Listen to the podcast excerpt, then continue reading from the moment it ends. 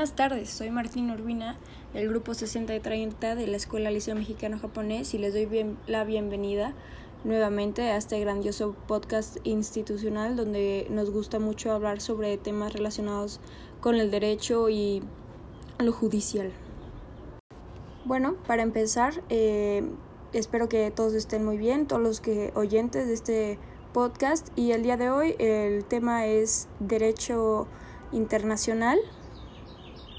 Así que espero que les guste mucho y disfrútenlo.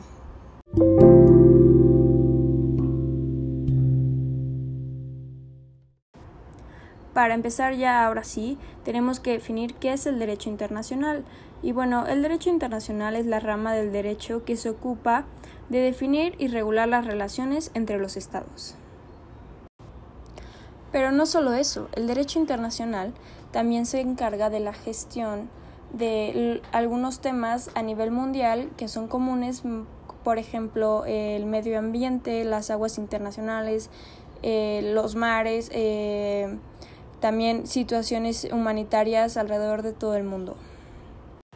Ok, sabiendo qué es el derecho internacional, ahora vamos a hablar de la ONU y bueno, vamos a definir qué es la ONU y decir por qué es tan importante para el mundo y para el derecho internacional.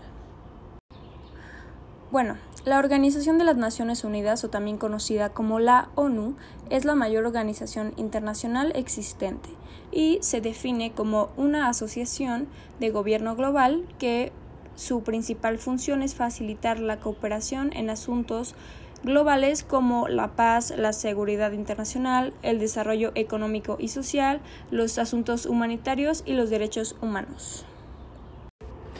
Es importante saber que la ONU fue fundada el 24 de octubre de 1945 en San Francisco, California, por 51 países al final de la Segunda Guerra Mundial. Esto se dio debido a la firma de la Carta de las Naciones Unidas. Desde entonces la ONU ha crecido bastante y hoy en día la ONU posee 193 estados que son miembros y bueno, prácticamente todos estos estados son eh, soberanos reconocidos internacionalmente. Ahora vamos a hablar brevemente sobre quién es Antonio Guterres. Antonio Guterres es una persona muy importante para la ONU debido a que el primero de enero del 2017 asumió el cargo de secretario general de las Naciones Unidas. Ahora vamos a hablar brevemente sobre cuáles son los principales organismos dependientes de la ONU. Bueno, vamos a mencionar cuatro organizaciones dependientes de la ONU, las cuales son la FAO, o también conocida como Organización de las Naciones Unidas para la Agricultura y la Alimentación, la OIT, también conocida como Organización Internacional del Trabajo, la OMS, que es la Organización Mundial de la Salud, y la UNICEF, que es la Organización de las Naciones Unidas para la Infancia.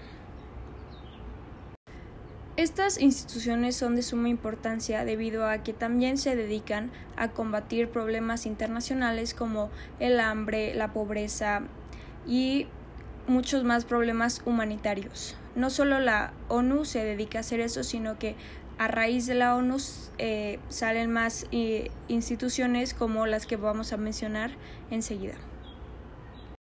Bueno, vamos a hablar de la FAO, o sea, la Organización de las Naciones Unidas para la Alimentación y la Agricultura. Bueno, esta institución conduce las actividades internacionales encaminadas a erradicar el hambre y actúa como un foro donde todas las naciones se reúnen para negociar acuerdos y debatir políticas alimentarias.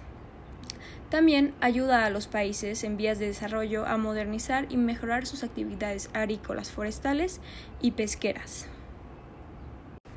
Ok, ahora vamos a hablar de la OIT, o también conocida como la Organización Internacional del Trabajo, y esta fue la primera agencia de las Naciones Unidas, o sea, la primera institución que se da a raíz de la ONU y Básicamente esta institución mundial eh, es responsable de la elaboración y la supervisión de las normas internacionales de trabajo Posteriormente vamos a hablar de la UNESCO, que es la Organización de las Naciones Unidas para la Educación, la Ciencia y la Cultura. Esta institución se fundó en 1945 con el objetivo de contribuir a la paz y a la seguridad en el mundo a través de la educación.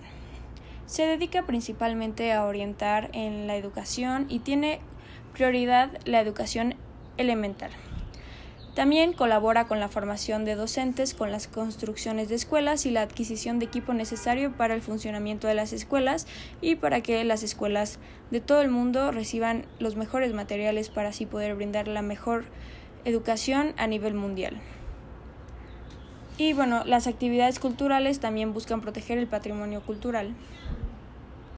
Por último, y muy importante, está la Organización Mundial de la Salud.